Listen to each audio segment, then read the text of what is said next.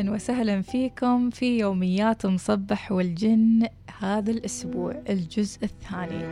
قرية الجن وسكانها اللي ظهرت واختفت فجأة عن أنظار مصبح. هذا هو عنوان قصتنا لهذا اليوم. انزين نبدأ. مصبح مثل ما خبرتكم إنسان اجتماعي وبسيط وعلى نياته وعايش الحياة ببساطتها وما شايل هم شيء. يتصرف دائما بعفوية في كل شيء. حتى الأحداث الأخيرة اللي تمت تصير له زعزعت في داخل الأمان وخلته يفكر ألف مليون مرة في خطواته وسهراته. وخاصة أنه في كل مرة يشوف هالعالم ما حد يصدقه إلا بعض شيوبه وهذا اللي أحيانا خلى مصبح في أزمة نفسية لدرجة أنه كان يبكي من تكذيب الناس له واتهامه له بالهلوسة والخداع. فقرر مصبح يطلع من هذا المود وقال إنه بيروح يسهر عند أولاد عمه في بيتهم يقول مصبح في قصته لهذا اليوم.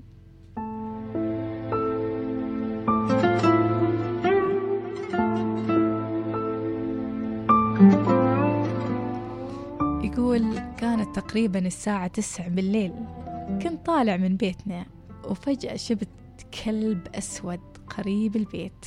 فبعفويتي وأنا في هذاك العمر العشريني رحت أركض وراه. ما كان قصدي أذيه حاشا لله أو حتى أني أزعجه بس كنت أريد أبعد عن البيت بمسافة بسيطة لحد ما بعد فعلا. يقول في هذاك الوقت كنت متجهز أريد أروح بيت عمي وفعلا هذا اللي صار. طبعا بيننا وبين بيت عمي شارع. هم كانوا يسكنون الجهة الثانية. مرت الساعات والدقائق وسهرت معاهم أحلى سهرة واستمتعنا بأحلى السوالف ونسيت همي مع عمي أولاد هم أولاد عمي. ومن حالات السوالف طلعت من عندهم الساعة ثنتين من الليل.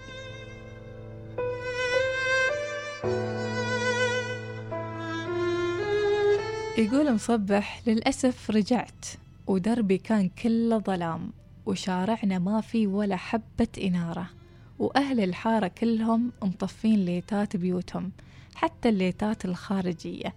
الحارة هدوء وكأن ولا حد منهم موجود. الكل مثل ما قلت مطفي ليتاته ونايم. وفي هذا الوقت صار اللي ما كنت حاسب له حساب. حسيت بحركة في المكان وأنا أمشي. أسمع صوت خطوات مخيفة. كل ما أمشي أكثر أحسها تتقرب مني أكثر وأكثر. وهني بديت أستسلم للخوف وقلت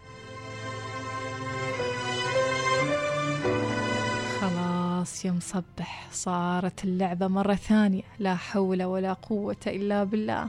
يقول مصبح كنت أمشي وأقرأ الآيات في سري من اللي أحفظها من القرآن. ويقول الحمد لله عديت الشارع. ولكن هالمرة عديته ما علشان أوصل حارتنا عديته علشان أشوف الحارة الغريبة اللي ظهرت قدامي فجأة.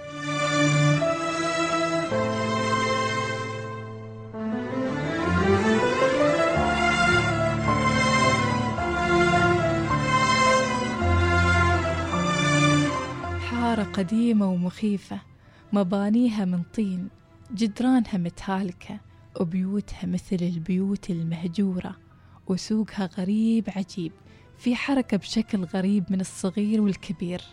شفت عالم غريب من الأطفال والنساء والشباب والريايل حتى كبار في السن. يقول مصبح في لحظة تأملي لكل هذه الغرابة والعالم اللي أول مرة أشوف مثله في حياتي ظهر قدامي ريال كبير في السن. يتقرب صوبي يتقرب صوبي وأنا كنت أراقب كل هذا ومدهوش وكأني مسلوب الإرادة والوعي خايف وارتعب من الخوف. أريد أهرب لكني أحس أني مربط في مكاني ما قادر أسوي ولا شيء. وصل الشيبة اللي عندي وقلت في نفسي هذا اللي كنت أسمع خطواته وراي وصل عندي ومد يدينه ومسك يديني وقال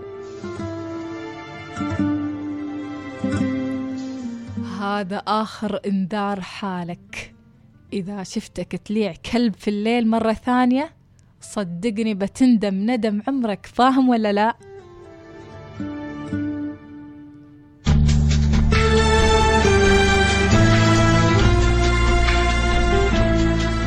يكمل القصة مصبح ويقول ترك يديني وراح خلفي وأنا أشوف على القرية صامد مكاني.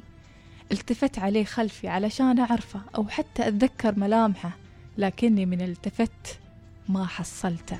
رجعت راسي أريد أشوف قرية الجن المخيفة لكن الصدمة إنها اختفت فجأة. وكل الناس والإزعاج اللي كان فيها صار مثل الوهم والسراب.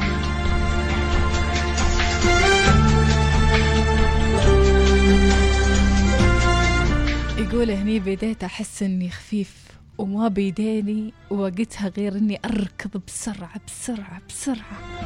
ركضت سرعة ركضت سرعة ما ركضت مثلها في عمري. لين ما وصلت البيت. وصلت وتخبيت في بطانيتي على طول. كنت أرتجف أرتجف من الخوف والنوم عافني في هذاك اليوم. وننتظر الصبح ومن طلع الصبح رحت أحكي اللي صار لي لوالدي الله يحفظه. ضحك والدي ضحك وضحك وضحك. وآخر شي قال لي تستاهل. يكون مرة ثانية تتعلم. ما تسهر وترجع البيت من وقت.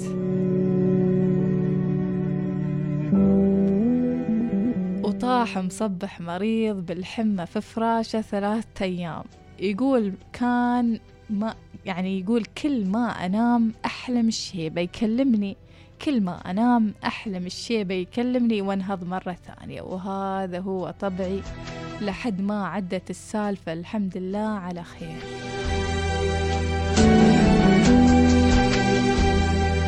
يا ترى إيش قصة شاحنة مصبح اللي تجمد فيها خوف وهو يسوق؟ وردة فعل الشرطة اللي وقفوه وخبرهم بالموضوع. طبعا هذه الأغنية تشرح وضع مصبح. موجوع قلبي من اللي يشوفه وكل يوم صدمة أقوى من اللي قبلها.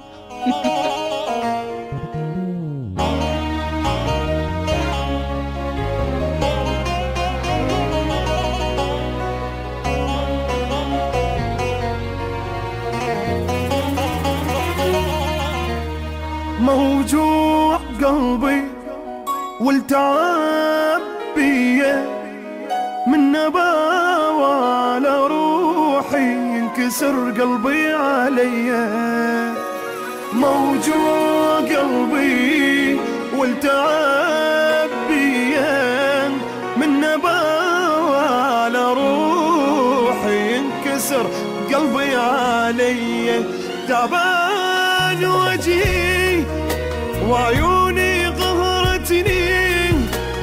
شلت حال حالي وبحياتي كرهتني.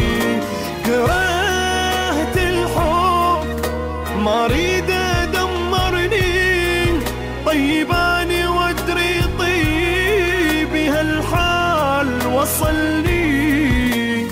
موجوع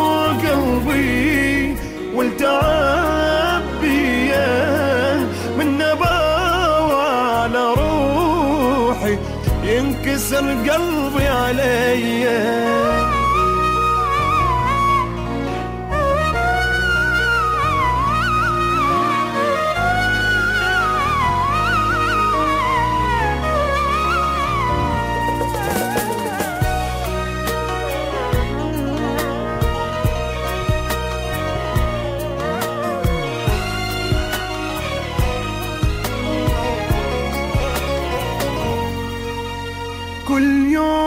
صدمة أقوى من القبلها أني واصل بالشدايد شدة ما حد واصل لها.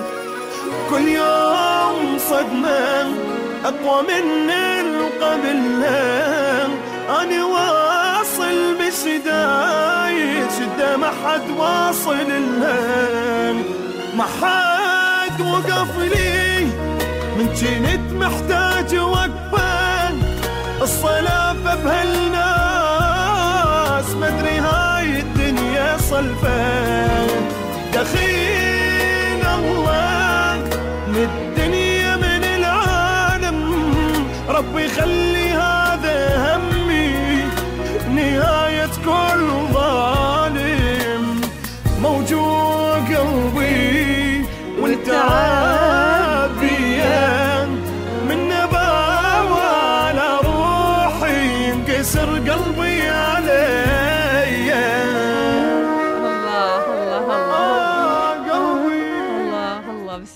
على قلوبكم. بسم الله على أرواحكم.